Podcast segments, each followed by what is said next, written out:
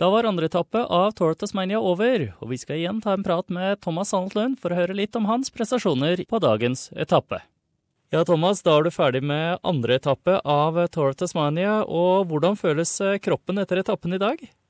akkurat nå føles kroppen eh, veldig tung. Eh, det har vært en hard etappe, mye opp og ned og bratte bakker. Og, eh, kroppen responderte vel ikke helt som jeg håpa på, så da, det er det sliten kropp. Ja, det ble en 47.-plass i dag, og basert på hva du sa i går, regner med at du ikke er helt fornøyd med dagens resultat?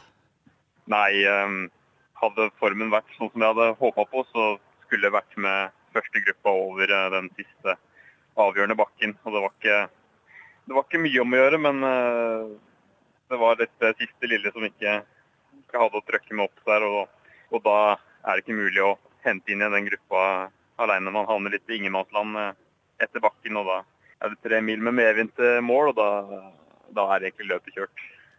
Var det formen din som ikke var sterk nok, eller var det de andre som bare var utrolig mye friskere i beina enn en deg?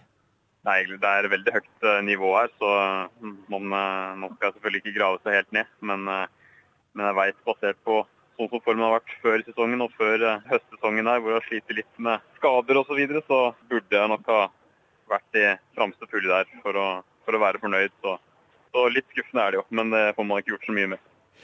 Nei, eh, men eh, det er en ny dag i morgen, og hva skal du gjøre annerledes i morgen for å få et bedre resultat? Nei, nå eh, er ritt litt satt, så det er ikke spesielt sannsynlig at jeg får noe sensasjonelt mye bedre bein i morgen. Men, men jeg regner med at de andre er mer slitne, så jeg får, jeg får bare prøve å spare krefter og så gå 100, 100 for, for det, den siste lange bakken. Så så veit jeg ikke helt eh, Jeg kan ikke forvente at det skal være så mye bedre, men eh, jeg skal i hvert fall gi et, gi et forsøk og satse på at det er litt nærmere målsettinga i morgen. Ja, Når du er ute på sykkelen i et uh, ritt som uh, dette, hvordan er det du på en måte holder motivasjonen og fokuset og, og farta oppe? Én uh, ting er at du tråkker pedalene, men liksom sånn her, mentalt, hva er det som får deg til å bare fortsette å tråkke på når beina gjør skikkelig vondt i den siste bakken og, og sånne ting?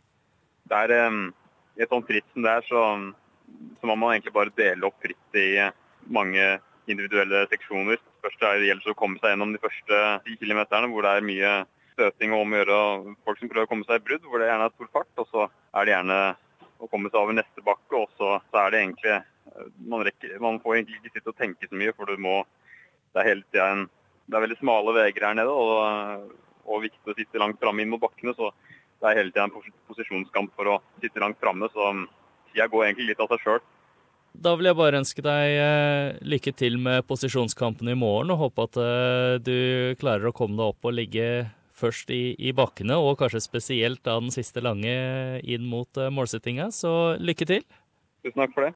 SBS Norsk kommer til å følge Thomas Sannat Lund gjennom hele Tour of Tasmania, så følg med på www.facebook.com skråstrek SBS Norwegian for de siste oppdateringene.